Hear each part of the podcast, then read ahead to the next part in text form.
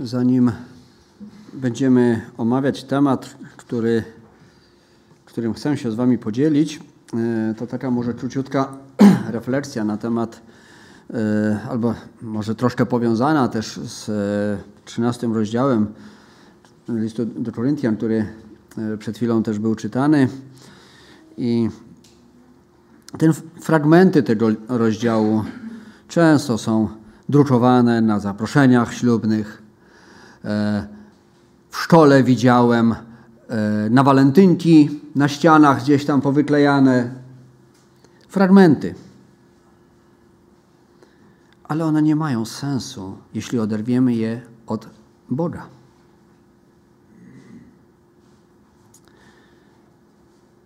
Choćbyś nauczył się tego rozdziału na pamięć i powtarzał go każdego dnia, nic ci to nie da. Chciałoby się powiedzieć, jeśli nie wywodzi się z Bożej miłości. Jeśli w sercu człowieka ta Boża miłość, która rozlewa się w naszych sercach, nie zagości, to to wszystko nie ma sensu. Wiecie, ja ten rozdział też, jak chyba wszyscy dość dobrze znam, ale dzisiaj mnie to tak bardzo uderzyło, że to ma sens, jeśli wywodzi się z Boga, jeśli na Bogu jest oparte. Modlić się czy nie? Taki temat jest podany w dzisiejszej usługi i wiecie, czasami sprecyzowanie tematu jest jedną z najtrudniejszych rzeczy.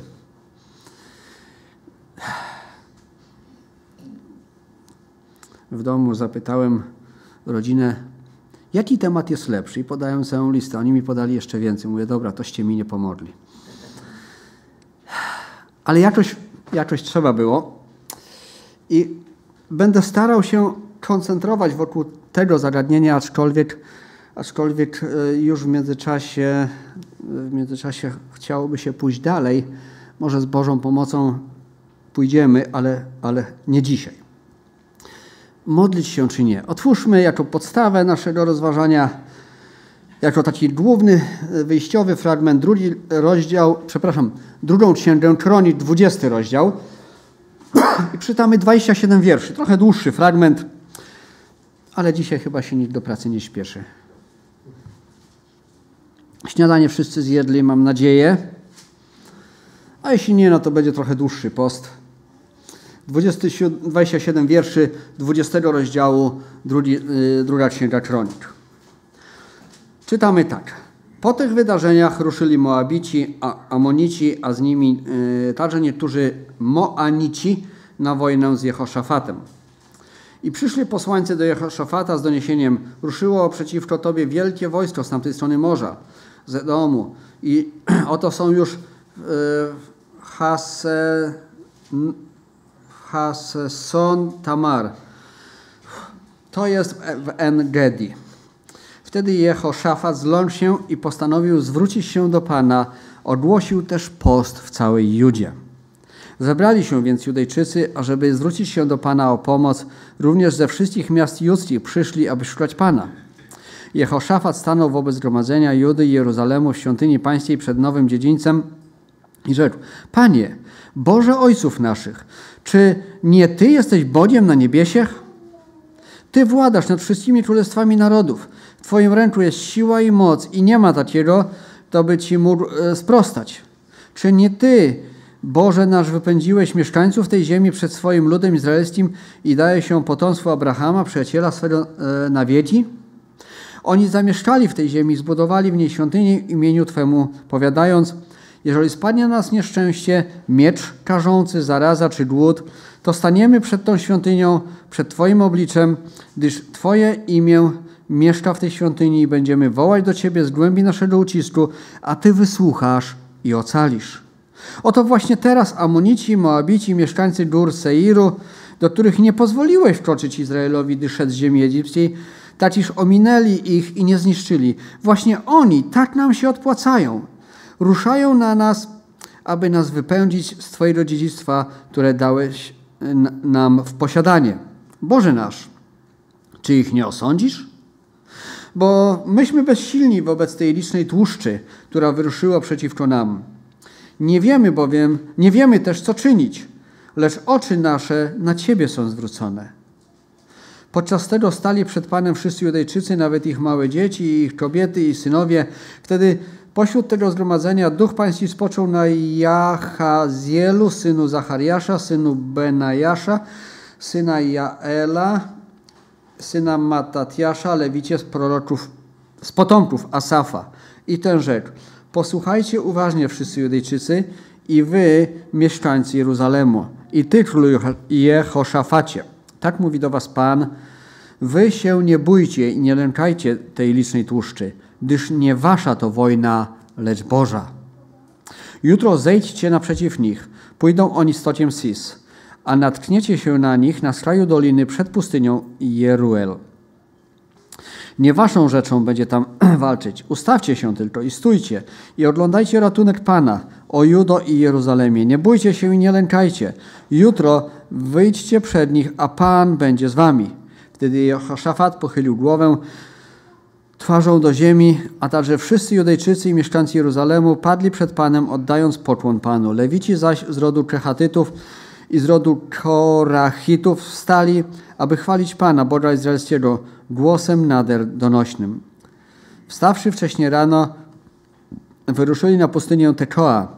A gdy wyruszali, Jehoszafat stanął i rzekł: Słuchajcie mi, Judejczycy i mieszkańcy Jeruzalemu, zawierzcie Panu, Bogu waszemu, a ostaniecie się. zawierzcie Jego prorokom, a poszczęści się wam. A naradziwszy się z ludem, wyznaczył śpiewaków dla Pana, którzy odziani w święte szaty mieli kroczyć przed zbrojnymi i śpiewać hymn pochwalny. Wysławiajcie Pana, albowiem na wieki trwa łaska Jego. Gdy tylko zaczęli śpiewać radoś, radosne pienia pochwalne, Pan nastawił zasadzkę na Ammonitów, Moabitów i mieszkańców gór, podróża Seir, którzy wyruszyli na Judę i zostali pobici. Amonici i Moabici wystąpili bowiem przeciwko mieszkańcom podróża Seir, aby ich doszczętnie wytracić. A gdy wybili mieszkańców Seiru, dopomogli sobie nawzajem do zguby. Gdy zaś Judejczycy doszli do wieży strażniczej u wejścia na pustynię i spojrzeli na tę tłuszczę, oto wszędzie leżały trupy na ziemi i nikt nie ocalał. Gdy Jehoszafat i jego lud zbrojny zebrali się do zgarniania łupu, znaleźli wiele bydła, różnego mienia, szat i kosztownych naczyń, nabrali tyle, że nie mogli unieść. Trzy dni zgarniali łup, tak, gdyż był tak obfity. Czwartego dnia zgromadzili się w dolinie Beraka, tak bowiem tam bowiem błogosławili Pana, dlatego miejscowości tej nadali nazwę Dolina Beraka i nosi ją ona do dnia dzisiejszego. Potem powróciwszy wszyscy mężowie judcy z Jerozo jerozolimscy na czele z Jehoszafatem do Jerozolemu wrócili radośni, gdyż Pan uradował ich wyzwoleniem od ich nieprzyjaciół. I może jeszcze 28 wiersz nie będzie wyświetlony. I wkroczyli do Jeruzalemu przy dźwiękach lutni i cytr i trąb i poszli do świątyni pańskiej. Kilka takich punktów tu jest, na które myślę warto e, szybciutko spojrzeć. Jehoszafat dostaje informację, że jest źle, mówiąc krótko. Nie armia, ale wręcz armię ruszało ją przeciwko niemu. I trzeci wiersz jest niesamowity właściwie bym powiedział, jest kluczem tej historii, albo jednym z takich kluczów. Wtedy Jehoszafat zlącz się, jak się człowiek zlęknie, to co może zrobić? No może się schować, może uciec, może się wściekać. Chwilkę pomyślcie, zostawiając tekst na chwilę. Pamiętacie jakąś sytuację, kiedy, kiedy pojawiła się w waszym życiu informacja, sytuacja, gdzie przestraszyliście się? Jakie mogą być nasze odruchy? Bardzo różne, myślę. Myślę, że każdy z nas mógłby podać inny przykład z naszego życia. To, co zrobił król Jehoszafat, jest i powinno być dla nas wzorem i postanowił zwrócić się do Pana. To jest najlepsze, najlepsze rozwiązanie, kiedy jest źle. I kiedy jest bardzo źle, i kiedy jest beznadziejnie. postanowił zwrócić się do Pana. Ogłosił też, też post w całej Judzie. I później czytamy, że oni się wszyscy zebrali i wołali do Boga, modlili się. Ale ta pierwsza reakcja jest tutaj bardzo istotna, żebyśmy ją, że to powiem, zapamiętali. Zwrócił się do Pana, gdy tylko o tym usłyszał.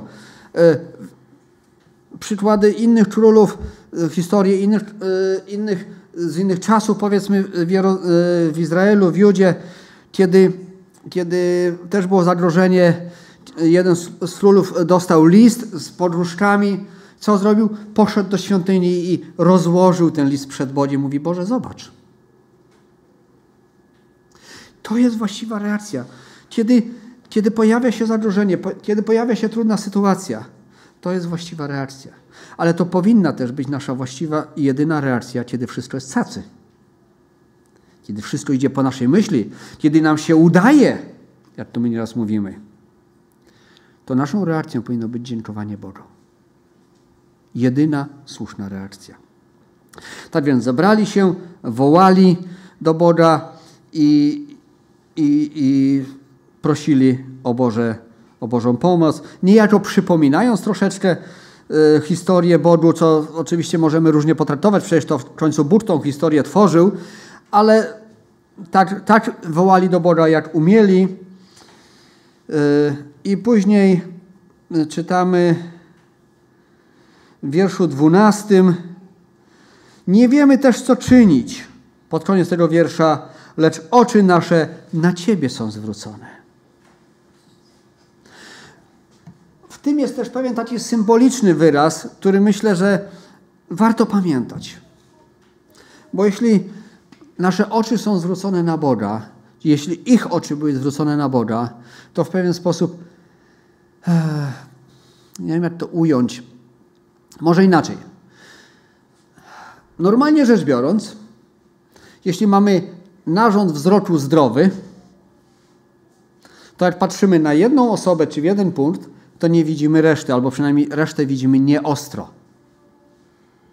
Więc jeśli oni mieli oczy zwrócone na Boga, to automatycznie ta cała tłuszcza, ta, ta, te wielkie armie przestały być w centrum ich uwagi. Bóg był w centrum ich uwagi.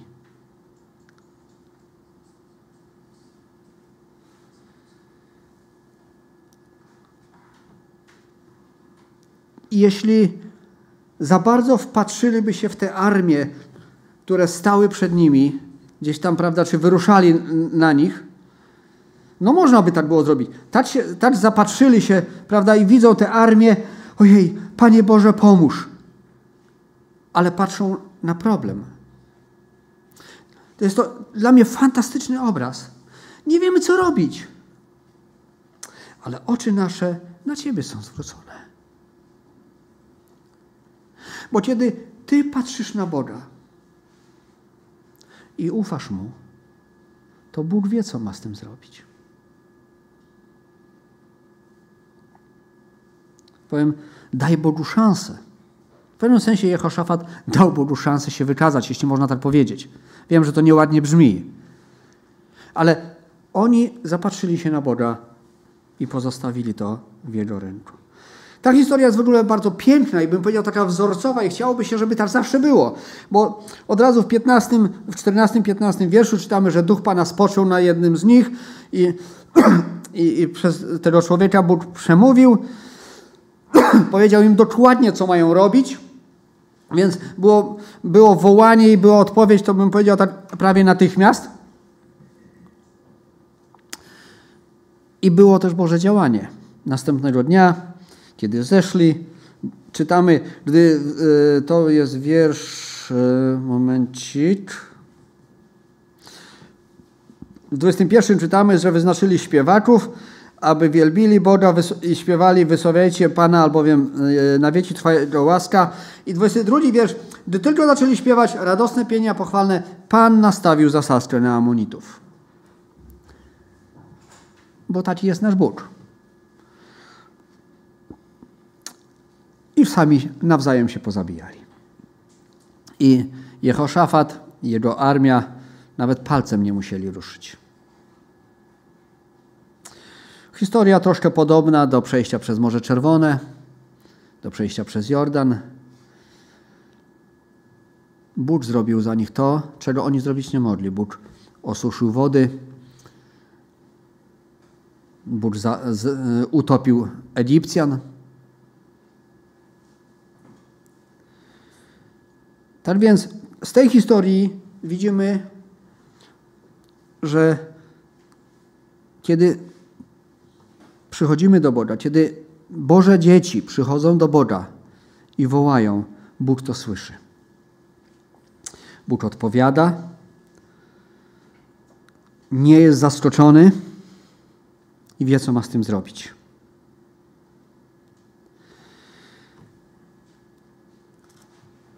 Ale pójdźmy dalej. Może właśnie wróćmy na chwileczkę do historii, e, że tak powiem, wcześniejszej. Druga Księga Mojżeszowa, drugi rozdział, 23, 4 i 5 wiersz. I tam jest taka sytuacja, e, druga Księga Mojżeszowa, drugi rozdział, 23, 4 i 5 wiersz. Po upływie długiego czasu umarł król egipski, jednak Izraelici jęczeli z powodu ciężkiej pracy i narzekali, a ich wołanie o pomoc z powodu ciężkiej pracy dotarło do Boga i usłyszał Bóg ich narzekanie.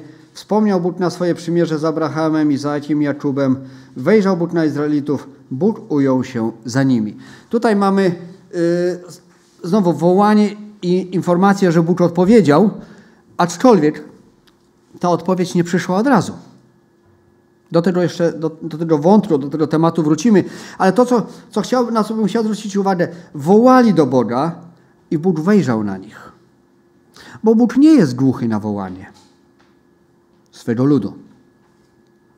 I to trzeba też podkreślić tutaj, że mówimy szczególnie o sytuacji, bym powiedział, y, gdzie, wo, gdzie wołają ci, którzy, którzy znają Boga. Bo ci, którzy Boga nie znają, przede wszystkim powinni wołać o zbawienie, o łaskę przebaczenia. Ale dla tych, dla nas, którzy Boga znamy, też przecież w życiu bywają różne sytuacje i, i gdzieś możemy się, że tak powiem, zapędzić i zapomnieć i sami próbować walczyć. Izrael wołał i Bóg wejrzał na nich. Bóg ujął się za nimi bo taki jest nasz Bóg. Chciałbym przytoczyć teraz inny przykład z Ewangelii Łukasza, siódmy rozdział od pierwszego do dziesiątego wiersza. Mam nadzieję, że to jest podane do wyświetlenia. Historia życia Pana Jezusa. A gdy dokończył wszystkich słów do słuchającego y, do ludu, wszedł do Kafarnaum, a sługa pewnego setnika, bardzo przez niego ceniony, zachorował i bliski był śmierci, a gdy usłyszał o Jezusie, posłał do niego starszych żydowskich, prosząc go, aby przyszedł i uzdrowił jego sługę. Oni przyszedłszy do Jezusa, prosili go usilnie, mówiąc, godzien jest, abyś mu to uczynił. Miłuje bowiem nasz lud i sam zbudował na, nam synagogę. Jezus poszedł z nimi.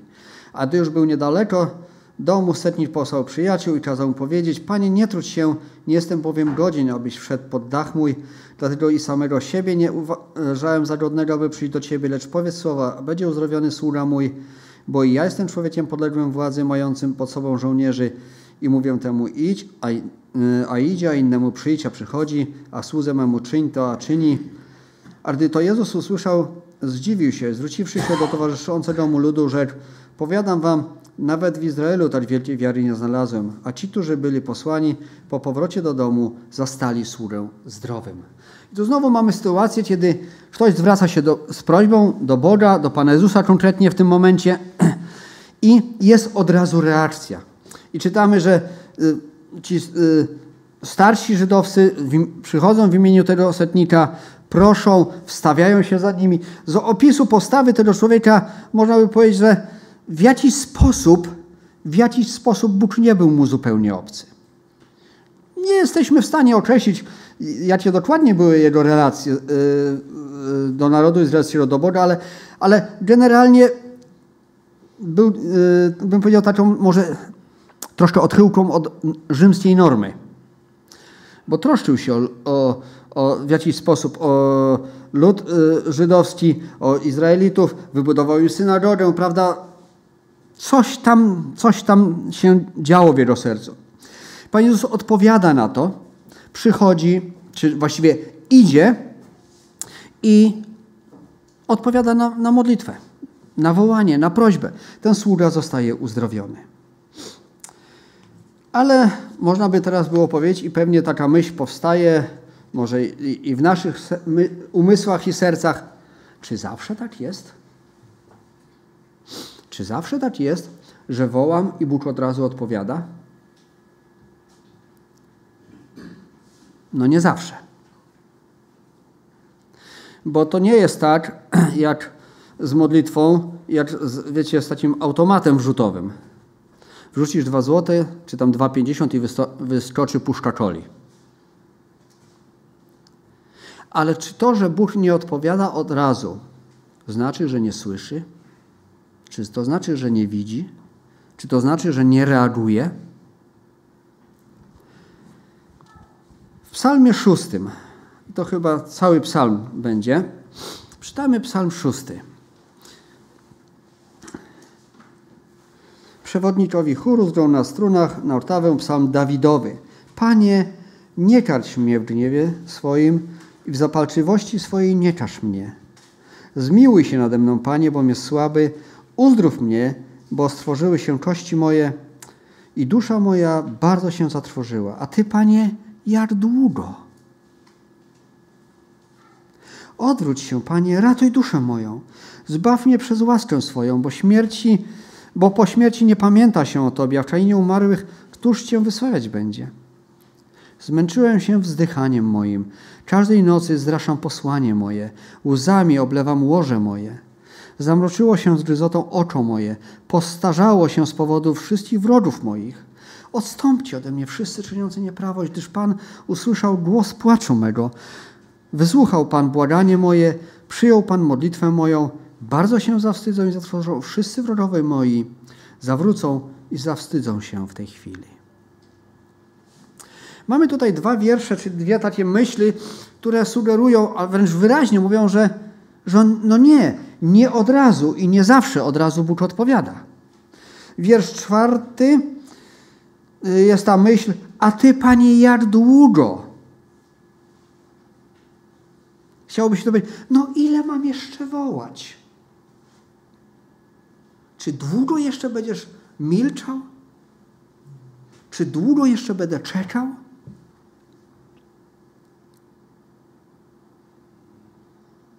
Nie wiem, może mieliście, może macie takie sytuacje w życiu, gdzie wołamy o coś i wydaje się, że Bóg milczy. Chciałby się zawołać, Panie, jak długo? Ile jeszcze mam czekać? Już mi sił brakuje. Ale może jeszcze tylko y, jeszcze wiersze siódmy, ósmy. Zmęczyłem się wzdychaniem moim. Każdej nocy zraszam posłanie moje, łzami oblewam łoże moje. Zamroczyło się z ryzotą oczo moje, postarzało się z powodu wrogów moich. Te dwa wiersze, dla mnie przynajmniej, dość wyraźnie mówią, że psalmista czeka, długo czeka.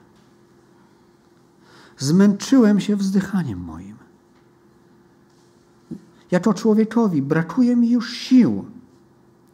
Każdej nocy zraszam posłanie moje. To nie była taka sytuacja jak w przypadku Jehoszafata. Problem, modlitwa, odpowiedź, rozwiązanie. Bardzo byśmy chcieli, żeby zawsze tak było, ale musimy pamiętać, że nie zawsze tak jest i to wcale nie znaczy, że Bóg nie słyszy. To wcale nie znaczy, że Bóg nie dba.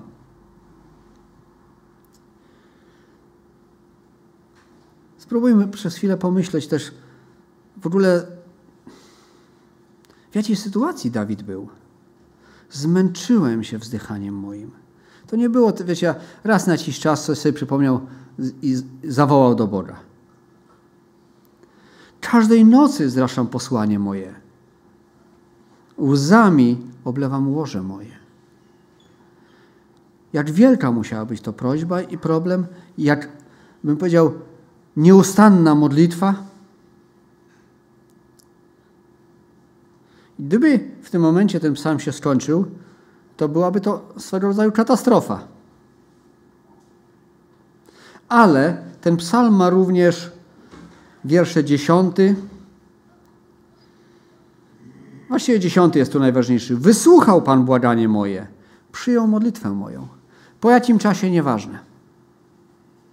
Posłuchajcie, ten, tutaj psalmista nie mówi po roku, po miesiącu, nie wiem, po dziesięciu latach. Totalnie nieistotne. Totalnie nieistotne. Ważne jest to, że wysłuchał Pan błaganie moje i przyjął modlitwę moją. I znowu, pomyślmy chwilę. Czy były sytuacje w Twoim życiu, w moim, gdzie wołaliśmy? Może już czasami byliśmy zmęczeni, może, może się wydawało, że to już no ile można? A jednak dzisiaj, z perspektywy czasu, możesz powiedzieć: Wysłuchał Pan błaganie moje.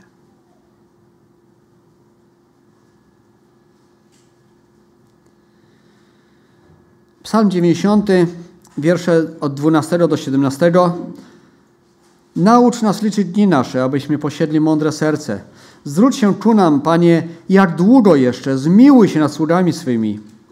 Nasyć nas o świcie łaską swoją, abyśmy się weselili i radowali przez wszystkie dni nasze. Rozwesel nas w zamian za dni, gdyś nas utrapił, za lata, w których oglądaliśmy niedolę. Niech się ukaże sługą Twoim dzieło Twoje, a majestat Twój synom ich. Niech spocznie na nas łaska Pana, Boga naszego, a dzieło rąk naszych utwierdza wśród nas. Tak, utwierdź dzieło rąk naszych. Tutaj również psalmista mówi, jak długo jeszcze? Ile jeszcze mam czekać? Modlę się i modlę, a Ty nie odpowiadasz. Jest tutaj ta myśl, utra- yy, yy, rozwesel nas w zamian za dni, gdyś nas utrapił. To znaczy, że nie zawsze było łatwo. Były utrapienia, były kłopoty, były problemy. Jeśli ktoś próbuje nam wmówić, że Boże dziecko nie powinno mieć żadnych problemów, że tylko sukcesy, to nie wiem, jaką Biblię ma. Ale na pewno nie tą, z której ja korzystam. Bo historie ludzi, o których ja czytam w Biblii, są pełne problemów i pełne łaski Bożej, który wyprowadza z tych problemów. Bo gdyby tych problemów nie było, to Boża łaska by nam nie była potrzebna. To Boża opieka by nam nie była już potrzebna. To byśmy, woda sodowa by nam do głowy uderzyła. Po co się modlić? Po co wołać do Boga? No właśnie po to są te różne problemy. Chociażby po to, żeby nas trochę, tak wiecie, przytemperować. I dziękujmy Bogu za to. Naprawdę. Jak długo jeszcze?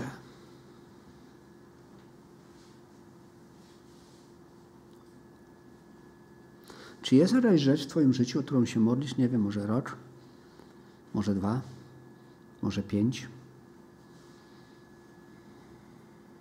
może piętnaście?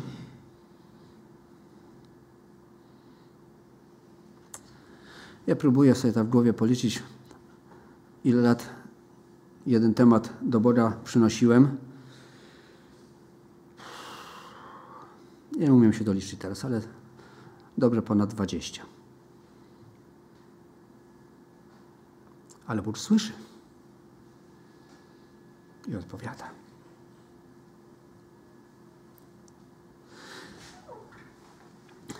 Bóg dał obietnicę Abrahamowi. Znamy historię Abrahama, nie będę tutaj już czytał. E, właściwie musielibyśmy nie wiem ile rozdziałów przeczytać, znacie obietnicę. Abraham czekał, czekał, ale, ale nie mógł się doczekać. Miał też bardzo pomysłową żonę, która podpowiedziała mu, jak można problem rozwiązać. No z tego powodu mamy do dzisiaj problemy. Bo Bóg mu powiedział: Rozmnożę potomstwo Twoje, tak jak, jak proch ziemi, to jest 13 rozdział pierwszej Mojżeszowej, a w 15 powiedział do Abrahama, spójrz tu niebo i policz gwiazdy, jeśli możesz się policzyć. I rzekł do niego, tak liczne będzie potomstwo twoje. Tylko, że Bóg nie podał terminu. Nie sprawdzałem teraz, y, zapomniałem, nie pomyślałem o tym, ale zdaje się, że parę lat minęło, zanim Bóg tą obietnicę wypełnił. Żeby nie powiedzieć parę dziesiąt. Ale wypełnił. Bo jeśli Bóg obiecuje, to wypełnia. Kaleb. Jeden z dwóch posłańców, których Mojżesz wysłał do ziemi obiecanej, Jozue i Kaleb byli tymi dwoma, którzy mówili: Pan da nam zwycięstwo. Pozostali mówili: Nie, nie, to jest pięknie, ale wiecie, no, oni za silni są dla nas. I wtedy Bóg poprzez Mojżesza dał obietnicę Kalebowi, że ziemia, po której stąpała Twoja noga, będzie Twoja.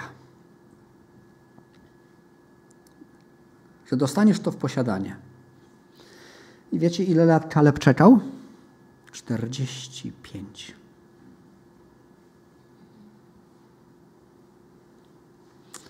To tak tyle, co niektórzy mamy lat, nie? 45 lat. On miał chyba 80, coś, 85 e, lat wtedy, jak, że tak powiem, przyszedł do Jozuego i upomniał się niejako o, o tą obietnicę. I mówi, jeszcze dzisiaj moja siła jest taka, więc zgodnie z obietnicą daj mi tą ziemię. 14 rozdział Księgi Jozuego. 45 lat, posłuchajcie. Ale Bóg nie zapomniał. Bóg pamiętał. Inną osobą, która czekała, choć w Biblii mamy tylko jedną sytuację opisaną, kiedy się modliła, to osobiście śmiem twierdzić, że gdzieś tam w sercu, w myślach te, te modlitwy były o wiele częściej zanoszone i dłużej. To jest Anna, y, która była matką proroka Samuela. Kiedy była w świątyni i się modliła, prorok Heli powiedział: Idź w pokoju, a Pan da ci to, o co prosiłaś. Nie było terminu. Pan Bóg okazał łaskę. Historia Łazarza, kiedy umarł. Marta i Maria posyłają informację do Pana Jezusa: Przyjdź, bo choruje ten, którego miłujesz. I co robi Pan Jezus? Idzie w drugą stronę, zajmuje się czym innym. Zignorował? Nie przejął się nimi? Absolutnie nie. Bo on miał w planie coś o wiele lepszego. Powiem tak, uzdrowienia już były. A teraz miałoby nastąpić coś innego. Ewangelia Jana 13 rozdział opisuje tę historię. Pan Jezus zwleka, czeka aż Łazarz umrze. Kiedy przychodzi już, to już jest trzy dni, jak Łazarz jest w grobie. I dopiero wtedy Pan Jezus okazuje swoją łaskę, moc i miłość. I może nieraz jest tak w naszym życiu, wydaje nam się za późno. Bóg się spóźnił. Bóg nie odpowiedział. Czy na pewno? Nie wiesz, co on jeszcze ma w planie. Słyszałem historię pewnego misjonarza, który chyba przez 40 lat, nie pamiętam nazwiska tego, tego człowieka i nie pamiętam też kraju w tym momencie, 40 lat pracował, nauczał tam, tam gdzie mieszkał, w tym kraju, w tej wiosce i, i nikt nie uwierzył. Nikt nie, nie przyszedł do Boga. I kiedy umarł, tam powstały takie głosy zmarnowane 40 lat. Ale jednak na jego miejsce został wysłany, czy wysłani, już teraz nie pamiętam dokładnie tej historii, następny człowiek, następny misjonarz. I ludzie zaczęli się nawracać, że tak powiem, pęczkami. To nie było 40 lat zmarnowanych.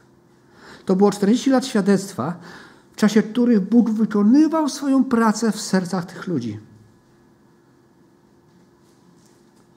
Nie nam jest osądzać. Drugi, drugi list do Koryntian, 12 rozdział od 7 wiersza, Paweł mówi coś bardzo ciekawego. Paweł się też modlił do Boga. Posłuchajcie, Paweł modlił się. A Bóg czasami mówi nie. Bym się więc z nadzwyczajności objawień zbytnio nie wynosił, wbity został w cierń, e, cierń w ciało moje, jakby posłaniec szatana by mnie policzkował, abym się zbytnio nie wynosił. W tej sprawie trzy razy prosiłem Pana, aby odstąpił ode mnie, lecz powiedział do mnie, dosyć masz, gdy masz łaskę moją, albowiem pełnia mojej mocy okazuje się w słabości.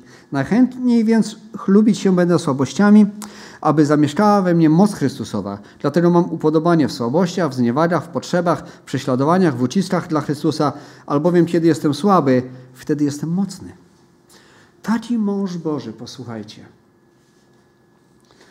Za jego, poprzez Pawła, przecież Bóg uzdrawiał innych. Nawet wstrzesił człowieka, który spadł z okna. Z trzeciego czy z drugiego piętra, już nie pamiętam teraz. Nieważne. Ważne, że, że umarł. Paweł przystąpił do niego, modlił się, ten człowiek zostaje wstrzeszony. Więc cóż, no, normalne jest, że modlił się też i o siebie. A Pan Bóg mówi: Nie, posłuchaj, mam inny plan. Mam coś lepszego. Bo mi zależy na tym, żebyś ty się. To jest taka, powiedzmy, moja, że tak powiem, interpretacja troszeczkę tego wydarzenia, bo mi, Pawle, zależy na tym, żeby mieć Cię, bym powiedział, pod jeszcze większą kontrolą, żebyś jeszcze większą chwałę mi przyniósł. Żeby Ci przypadkiem do głowy nie przyszło chlubić się tym, co osiągnąłeś. Bo jak Ty się zaczniesz chlubić, to zmarnujesz te lata pracy. Ale czy to nie była Boża odpowiedź? Była, pełna miłości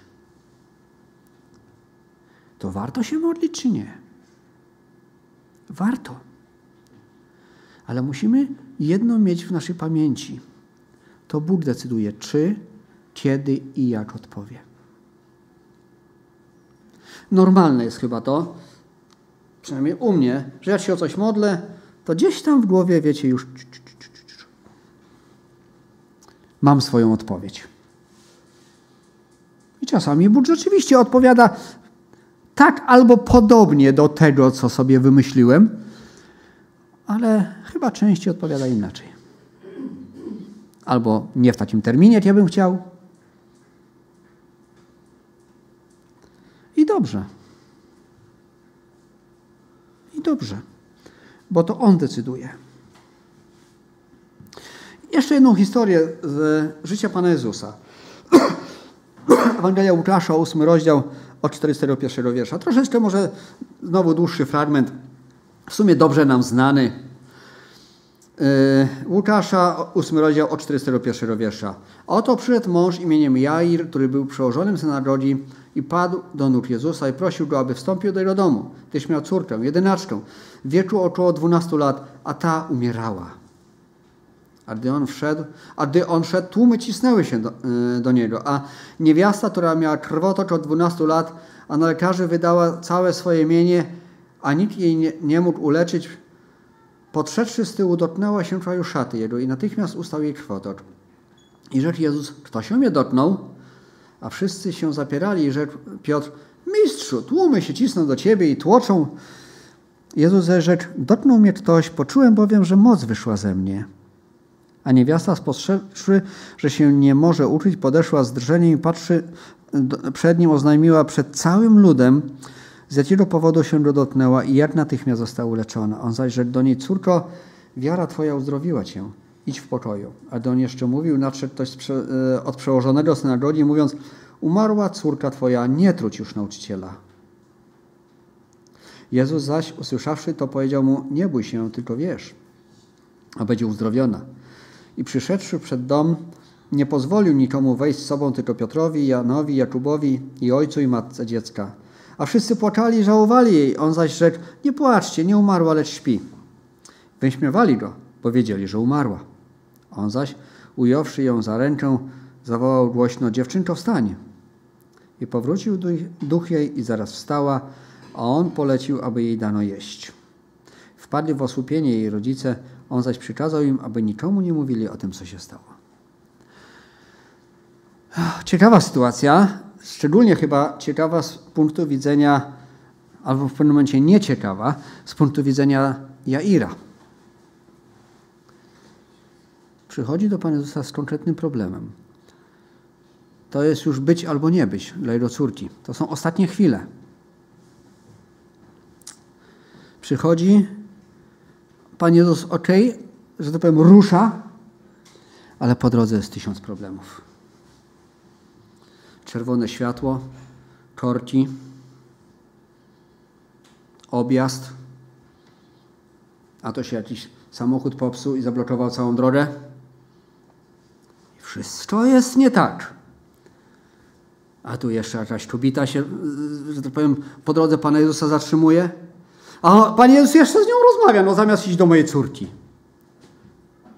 Czy jesteście w stanie wyobrazić sobie, nie wiem jak to nazwać, złość, irytację, rozdrażnienie tego, tego ojca? Przyjdź, bo moja córka umiera.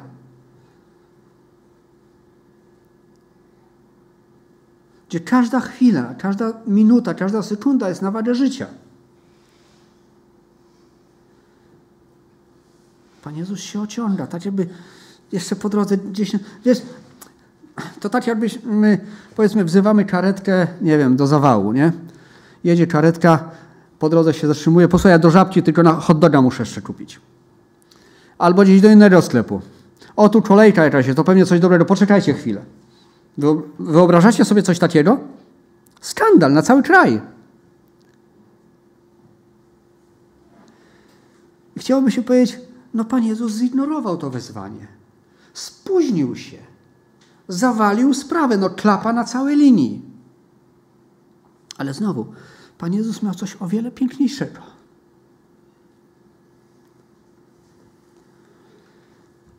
Wpadli w osłupienie jej rodzice, czytamy w wierszu 56.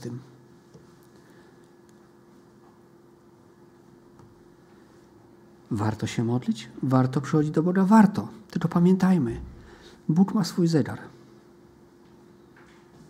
Ja wiem, że to się łatwiej mówi, niż w życiu wychodzi. Ale dajmy Bogu szansę.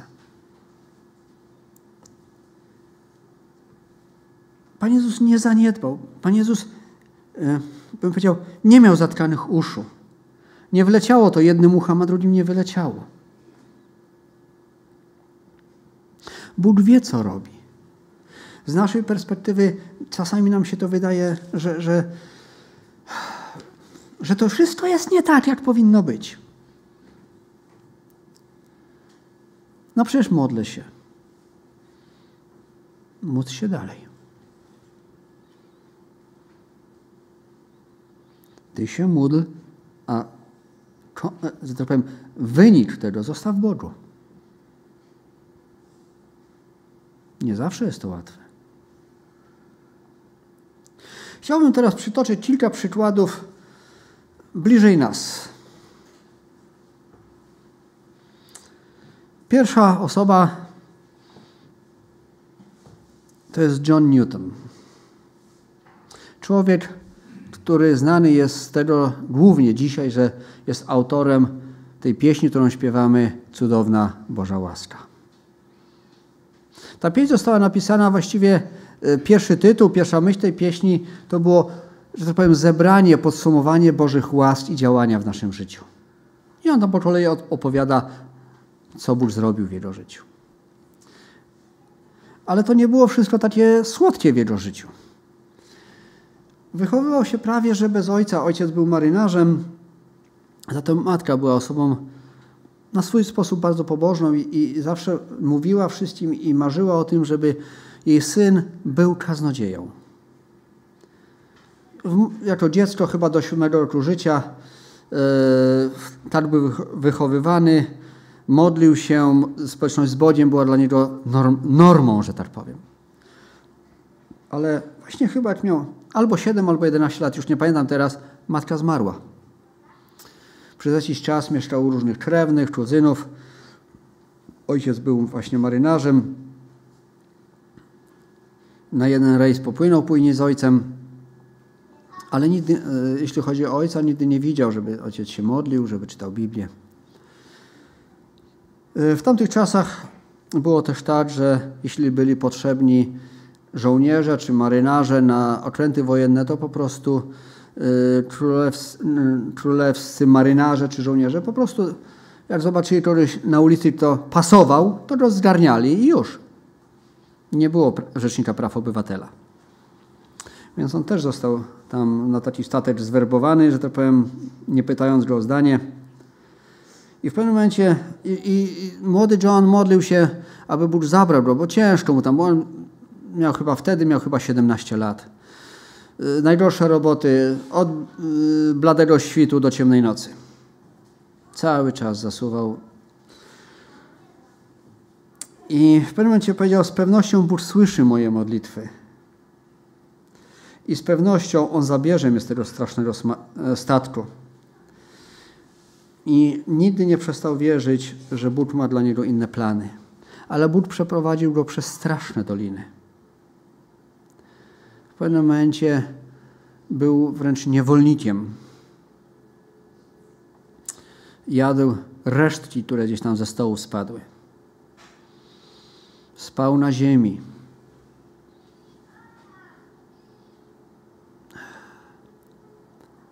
Zbuntował się przeciwko Bogu, nie chciał słyszeć o Bogu. Drwił z Boga i ze wszystkiego, co z Bogiem miało e, jakikolwiek związek. W swoim życiu doszedł do takiego stanu, że mówiono o nim, że jest przekleństwem dla każdego statku, na którym się znajdzie. Później sam przewoził niewolników, był kapitanem statku, który przewoził niewolników. Ale Bóg go, bym powiedział, doprowadził do takiego stanu i tak go, można by było powiedzieć, przycisnął i przydusił, że zawołał Boże, jeśli mnie uratujesz, będę Tobie służył. Nie od razu, nie natychmiast ta służba się zaczęła. To jeszcze trochę potrwało, zanim dojrzał do tego ale ostatnie, nie, znowu nie pamiętam, kilkanaście lat swojego życia był kaznodzieją. Był księdzem, pastorem, jakkolwiek to nazwać. Zwiastował Boże Słowo i był wsparciem duchowym również dla wielu, wielu ludzi. Bo Bóg słyszy modlitwy. I Bóg troszczy się i Bóg prowadzi. I nie zapomina. Pozwolę sobie podać jeszcze inny przykład bliżej nas. Nie wiem, czy wszyscy słyszeliście o Johnny Erickson. Johnny Erickson, Tada dzisiaj się nazywa. Mając 17 lat, poszła gdzieś tam kąpać się na, na zatokę, skoczyła do wody i tutaj kręgi szyjną uszkodziła i wszystkie cztery kończyny sparaliżowane. E, w zeszłym roku, przy okazji, w zeszłym roku skończyła 71 lat, wciąż żyje. Ale w pewnym momencie, kilka lat po tym wypadku, powiedziała, to było takie pierwsze, pierwsze takie rozmowa i świadectwo, e, kiedy rozmawiała z e, oficerem, z żołnierzem amerykańskim, który, który gdzieś tam z wojny w Wietnamie wrócił, nie miał oka, nie miał ręki i mówi mu tak: Wiesz co? Wolę być przyczuta do tego wózka i wierzyć w niego, niż stać na własnych nogach bez niego. A ileś tam jeszcze lat później, kiedy yy, yy, miała takie spotkanie w centrum rehabilitacyjnym, gdzie było dużo ludzi na wózkach, właśnie inwalidów, po jakichś urazach, Bóg powiedział tak. Ona powiedziała tak do tych ludzi. Bóg pozbierał kawałki mojego życia, które rozsypało się. Te wszystkie kawałki pozbierał i uczynił z nich coś pięknego. Cały czas będąc na wózku. Ona wciąż jest na wózku. I następna sytuacja na stadionie w czasie kampanii ewangelizacyjnej Billy Grahama też była poproszona o, o złożenie świadectwa i powiedziała tak. Gdybym nie kąpała się w zatoce tamtego ranka w lipcu 67 roku, to wiem, że nie mówiłabym dzisiaj do was o Bożej chwale.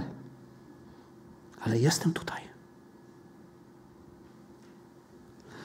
bo Bóg się o nią troszczył, bo Bóg ją prowadził. W międzyczasie, w międzyczasie też e, w 2007 roku, gdzieś na początku lat 2000, okazało się, że ma raka. Przez 9 lat, właściwie do, do dzisiaj, wciąż w jakimś stanie, ale yy, przez ileś, chyba przez 9 lat żyła w ciągłym bólu od rana do nocy. I kiedyś, yy, kiedy była też zaproszona do jednego ze zborów, tam przyszły do, do niej kobiety i mówiły: Posłuchaj, a może w swoim życiu jest niewyznany grzech? Ty się wyznaj ten grzech i wtedy Bóg cię uzdrowi. Renata przez chwilę pomyślała, mówi tak. Mam do wyznania grzech, że nie ufam Bogu, że munduję się przeciwko Niemu, że mam gorycz w sercu z powodu tej sytuacji, która jest. I w pewnym momencie zrozumiała, że to chodzi nie o to, że. Znaczy, to jest też ważne, że Bóg w Chrystusie jakby oczyścił ją, że Bóg troszczy się o nią, że Bóg prowadzi ją. Ale ważne jest też, mówi, nagle zrozumiałam, że to ja mam być w Nim, że moja, moje zbawienie jest w Nim, że moje uwolnienie jest w Nim.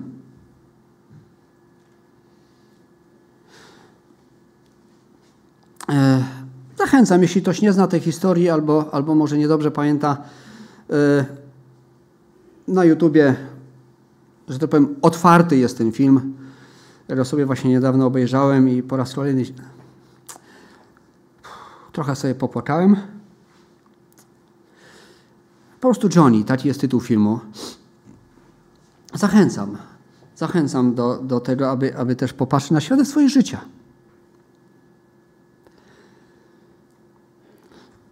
Słyszałem kiedyś historię też pewnej karczmy i kościoła.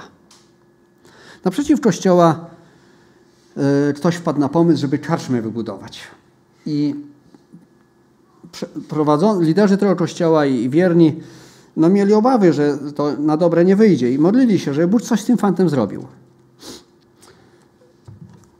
I w pewnym momencie, właściwie w przeddzień otwarcia tej karczmy była burza i piorun uderzył w karczmę i ją spalił.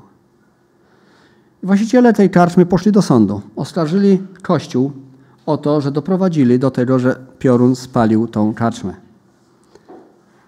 Ja to dawno słyszałem, może, może nie wszystkie szczegóły dokładnie te, po, teraz podam. I w, w sądzie oczywiście yy, przedstawiciele Kościoła mówili, że oni nic nie zrobili, oni nie, nie podpalili tej karczmy. I sędzia w pewnym momencie mówi, nie wiem jak to było dokładnie z tym podpaleniem, ale dzisiaj wiem i mam wrażenie, że właściciel karczmy wierzy w moc modlitwy, a ludzie z Kościoła nie bardzo.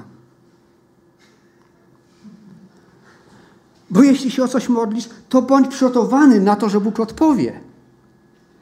Oni modli się, Boże, zrób coś. No to Bóg coś zrobił. Bo Bóg słyszy modlitwy. Tylko czy ja jestem gotów na to, żeby przyjąć, żeby zaakceptować, żeby w pewnym sensie wziąć odpowiedzialność za to, o co się modliłem. W 90 chyba w 90. latach był pożar w Kuźni Raciborskiej. Wielki pożar, z którym nie, nie można było sobie poradzić. I w pewnym momencie w jakiejś rozmowie z dziennikarzami, ja też nie pamiętam dokładnie słów, w każdym razie rozmowa była z jednym ze strażaków, z szefów tej straży i on powiedział coś takiego, taką myśl, że tylko cud może nas uratować. Nie, da, nie damy rady. I tej nocy spadł deszcz i nie było pożaru. Cud. Boży cud. W latach, w roku, e, na początku XIX wieku, przez pięć lat e, koniki polne niszczyły zbiory w Minnesocie. Przez pięć lat z rzędu. E, farmerzy, rolnicy próbowali różnych metod, żeby się ich pozbyć, ale to po prostu było bez, jakby bezsensowne, nie dawało nic żadnych skutrów i właściwie, właściwie to już byli na granicy głodu, klęski głodu. I wtedy wielu ludzi przyszło do, e, wpadło na pomysł, że e, żeby przyjść do władz stanu i poprosić o to, aby ogłosili ogólnostanową czy ogólnokrajową, ogólnokrajowy dzień modlitwy. W końcu ten gubernator dał się jakoś uprosić i ogłosił, e, że 26 kwietnia to będzie dzień właśnie, kiedy wszyscy mają się modlić. I w dnia, w te dni, które nastąpiły po tej modlitwie, ja przepraszam, czy ktoś ma chusteczkę?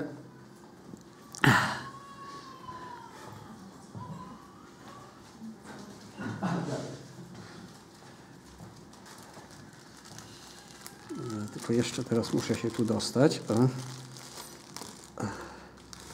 Przepraszam bardzo, ale.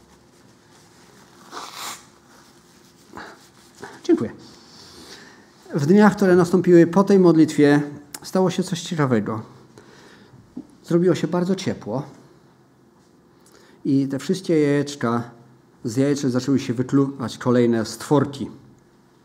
Ale cztery dni później temperatura nagle bardzo spadła i mróz wybił te wszystkie koniki polne. I znowu modli zbierać żniwa. Bóg odpowiada na modlitwy również dzisiaj, nie tylko w czasach biblijnych. Oczywiście podstawą naszej wszelkiej wiedzy i społeczności z Bogiem jest Biblia, ale warto, myślę, też może i w naszym życiu dostrzegać Boże działanie, żeby to nie było tylko, że Bóg jest Bogiem gdzieś tam sprzed 20 wieków. Nie, On jest Bogiem dzisiaj. On się dzisiaj troszczy. Trzy wiersze na koniec. W, list do Rzymian 12:12. 12. W nadziei radośni, w ucisku cierpliwi, w modlitwie wytrwali. Co znaczy słowo wytrwali? Znaczy, że nie raz mamy się modlić. Mamy być przygotowani na to, że to trochę potrwa. Albo może potrwać. Nie nam o tym decydować. Filipian 4:6. Nie troszcie się o nic ale we wszystkim, w modlitwie i błagania z dziękczynieniem powierzcie prośby wasze Bogu. Tu jest w modlitwie i błaganiach. Słowo błaganie kojarzy mi się z, z pewnego rodzaju takim intensywnością i bezradnością z naszej strony.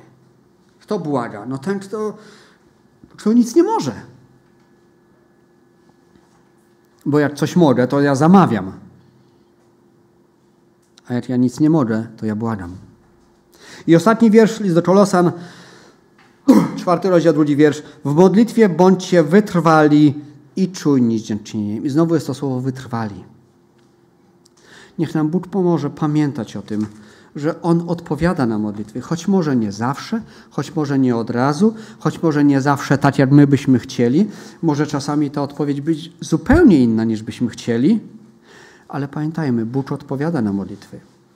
Kiedy się już modlimy, to pamiętajmy też o tym, że, że, żebyśmy byli gotowi na Bożą odpowiedź. Słyszałem takie stwierdzenie, to chyba brat Tadeusz powtarzał, powiedział, że jeśli się o coś modlisz, to czy jesteś gotowy na to, że Bóg odpowie? Żeby nie było tak jak ludzie z tego kościoła, że oni się wypierali, że, że mają jakikolwiek prawda, udział w tym, że ta karczma się spaliła. Ale módlmy się wytrwale, nieustannie, bym powiedział, w dzień i w nocy, w domu i poza domem, w pracy i w szkole, wołajmy do Boga z każdą sprawą, najśmieszniejszą, najmniejszą i najpoważniejszą, najtrudniejszą. Bo On jest tym, który o nas dba, On jest tym, który nas kocha, On jest tym, który daje to, co najlepsze i przede wszystkim On jest tym, który wszystko może. I za to niech będzie Mu chwała. Amen.